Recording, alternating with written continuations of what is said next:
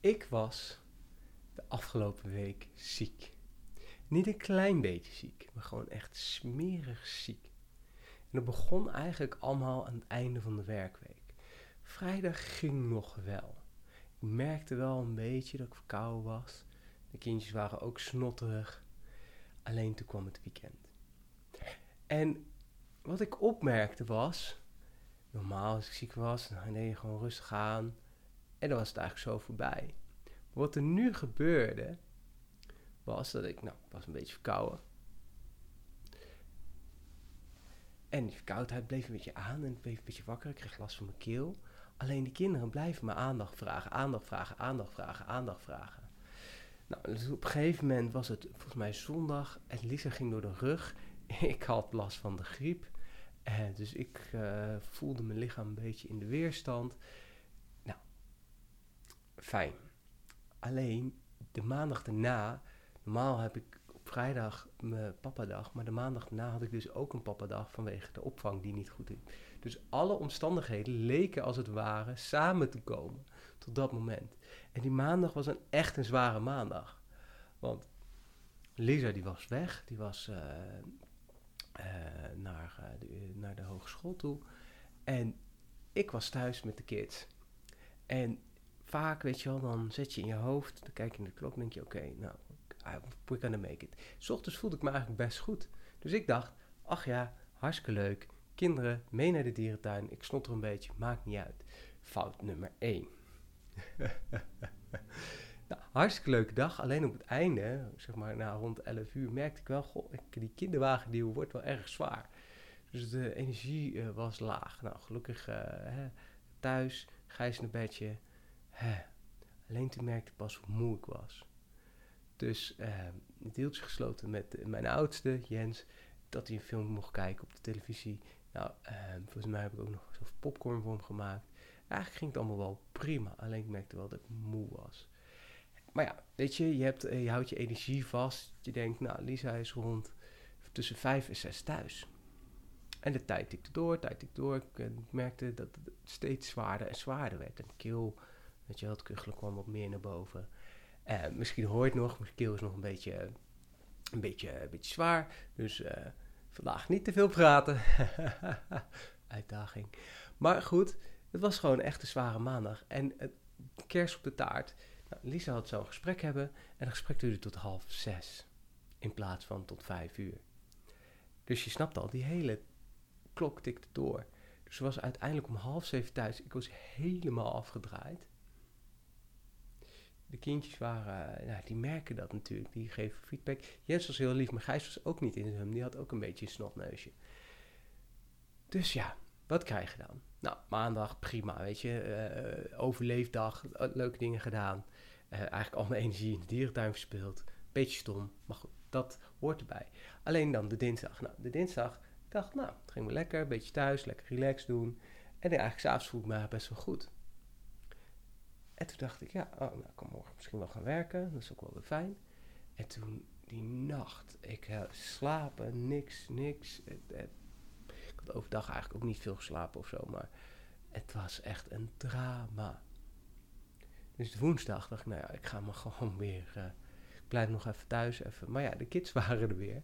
Dus dan zit je in die modus. En waar ik dus achter kwam is, ik heb als ouder, als vader, heb je gewoon geen rust meer. Want uh, in het weekend, ja, die kids, ja, normaal zou je gaan nou, een beetje kouwen, een beetje rustig aan, uh, wat extra thee drinken. Maar je hebt natuurlijk ook de zorg voor de kinderen. En als die ook niet helemaal lekker zijn, ja, dan gaat het door. Gaat je vriendin door je rug, ja, uh, moet je ook toch wel weer bijspringen. Dus echte rust heb je niet.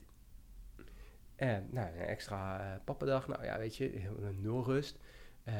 samen, nou ja, samen thuis, weet je, je bent wel ziek thuis, maar die kinderen die gaan gewoon door. Die denderen gewoon door. Die willen ook aandacht. En dan doe je wel een dutje. Maar dat is natuurlijk, ja, dat is gewoon een druppel op een, uh, een gloeiende plaat. Dus dat was een fascinerend iets waar ik achter kwam. En um, dan kom ik eigenlijk, uh, je dendert als ouder, dende je eigenlijk gewoon door. Je dendert maar door, want je moet wel, want je hebt gewoon twee kinderen die afhankelijk van je zijn. En dat is hartstikke mooi. En toen kwam ik eigenlijk bij iets anders, een vraag. Um, ik heb er nog niet heel veel over verteld, maar mijn moeder is overleden. En dat is best wel uh, triest. Ze heeft een heel lang, uh, lange weg gehad. We wisten eigenlijk al een tijdje. Ze op drie maanden gekregen. Het is uiteindelijk negen maanden geworden. Gelukkig, weet je wel. We hebben wat extra tijd met haar mogen spenderen. Alleen, ik zat laatst met mijn vader in, in de horror der winkels. En ehm, ja, we keken en we zaten samen in een winkel. Um, ach, afschuwelijke winkel. Maar um, we zaten samen in een winkel en um, hij zei: Ja, Menno, het is alweer drie maanden geleden. En toen dacht ik: Oh, ja, het voelt ook al wel lang geleden, ja. En op het moment is ik eigenlijk niet zo'n goed antwoord. En zei ik heel simpel ja. Met kinderen dendert het leven gewoon door. Je hebt geen keus, het gaat gewoon maar door. En toen ben ik gaan nadenken van, heb ik wel goed afscheid genomen? Heb ik wel uh, genoeg gerouwd? Heb ik wel... Want ja, weet je, zo, uh, sommige mensen zijn er uh, jaren van ondersteboven. En daar heb ik eigenlijk geen, ja, geen last van. Ik zeg dan altijd, ik heb het een plekje gegeven.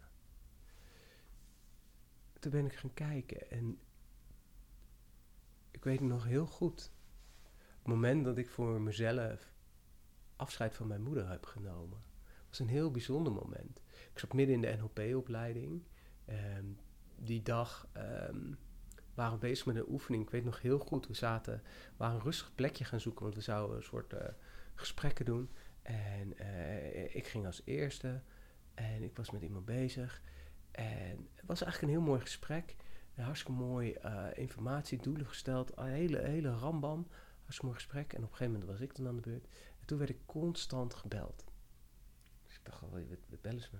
En ineens stond de coach bij me en ik, moest mee. En uh, er werd verteld, ja Menno, je zijn gebeld, want je, het gaat niet goed met je moeder. En ik maakte toen een besluit. Ik heb een besluit genomen om daar te blijven. Um, ik zeg, ja, het voelt niet goed om daar te zitten. Ik, ik kan daar niks mee, weet je wel. Daar zitten en dan in zo'n bedroevende sfeer, uh, daar kan ik niks mee.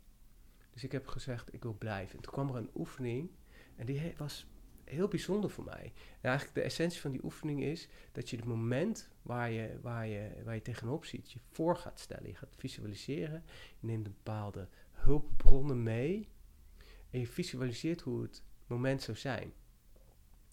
En dat moment was eigenlijk eh, voor mij het afscheid van mijn moeder. Dus zij is niet overleden op die dag, maar zo voelde het voor mij. Uh, dat moment voelde wel zo, die urgentie. Dus ik kwam daar s'avonds aan en ik, het was eigenlijk een heel mooi moment, want ik had zoveel rust. Ik had het, ik had het eigenlijk mentaal voorbereid.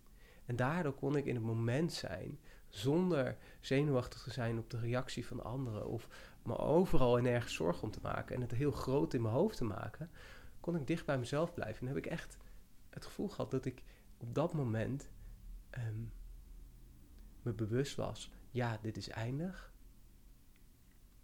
En ook een waardig afscheid heb kunnen nemen. En daar, dat maakte voor mij het rest van het proces, het, af, het rouwproces, veel makkelijker. Omdat dat was voor mij het sleutelstuk.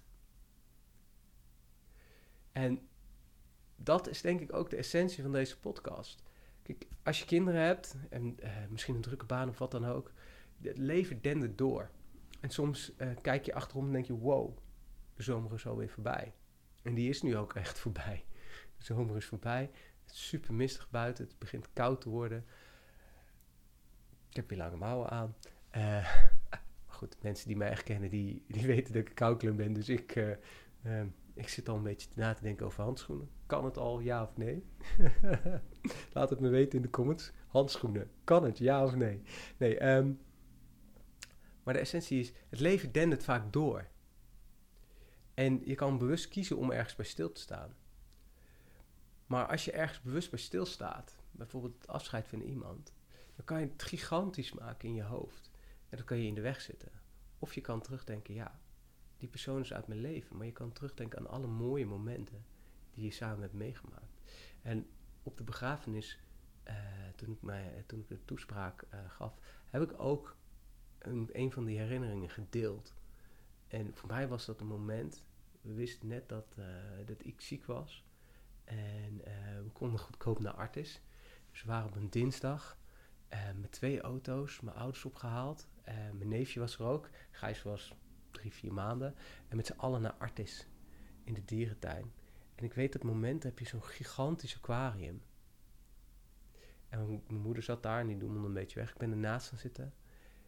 En we hadden echt zo'n, gewoon een beetje kijken naar de vissen, een beetje praten. En dat was zo'n mooi moment. Het is zo helder meegebleven. Vooral omdat de kinderen rondrenden in die zaal. Het was heel rustig. Dat was midden in uh, coronatijd volgens mij. Net voor de grote lockdown gebeuren. Het was een beetje raar, restaurants waren dicht, het was ook koud. Je mocht de helft van de dingen mocht je niet naar binnen. Maar goed, eh, prima. Het was rustig. De kids hadden de tijd van hun leven. En ik zat daar gewoon in alle rust, even in het moment. En dat was precies wat ik nodig had. En dat moment heb ik heel erg vastgehouden, heb ik heel erg gekoesterd. Dat doe ik nog steeds. Ik kan het nog steeds zo mooi voor me zien. En dat soort herinneringen, dat is voor mij het belangrijkste. En dan Weet je, je kan eigenlijk denden door. Maar ik sta ook af en toe kleine momentjes stil. En dat doe ik bijvoorbeeld in de ochtend. Uh, of op andere momenten. Kleine momentjes dat ik even de tijd neem om te kijken. Hoe is het met Menno? Waar sta ik? Waar ga ik heen? Wat is belangrijk voor mij? Dat is denk ik de essentie. Doordenderen is niet erg. Als je af en toe maar eens heel even stilstaat en kijkt. Oké, gaat het goed? Ja? Oké, dan gaan we door. Want het leven is altijd iets wat je aandacht vraagt. Dankjewel voor het luisteren. Um, vind je dit een leuke podcast? Laat dan een comment achter, geef hem een rating, whatever.